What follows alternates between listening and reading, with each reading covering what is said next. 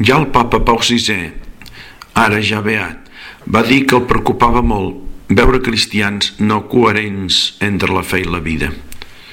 Deia que era una tragèdia el comprovar que la fe anava per un costat i la vida per un altre.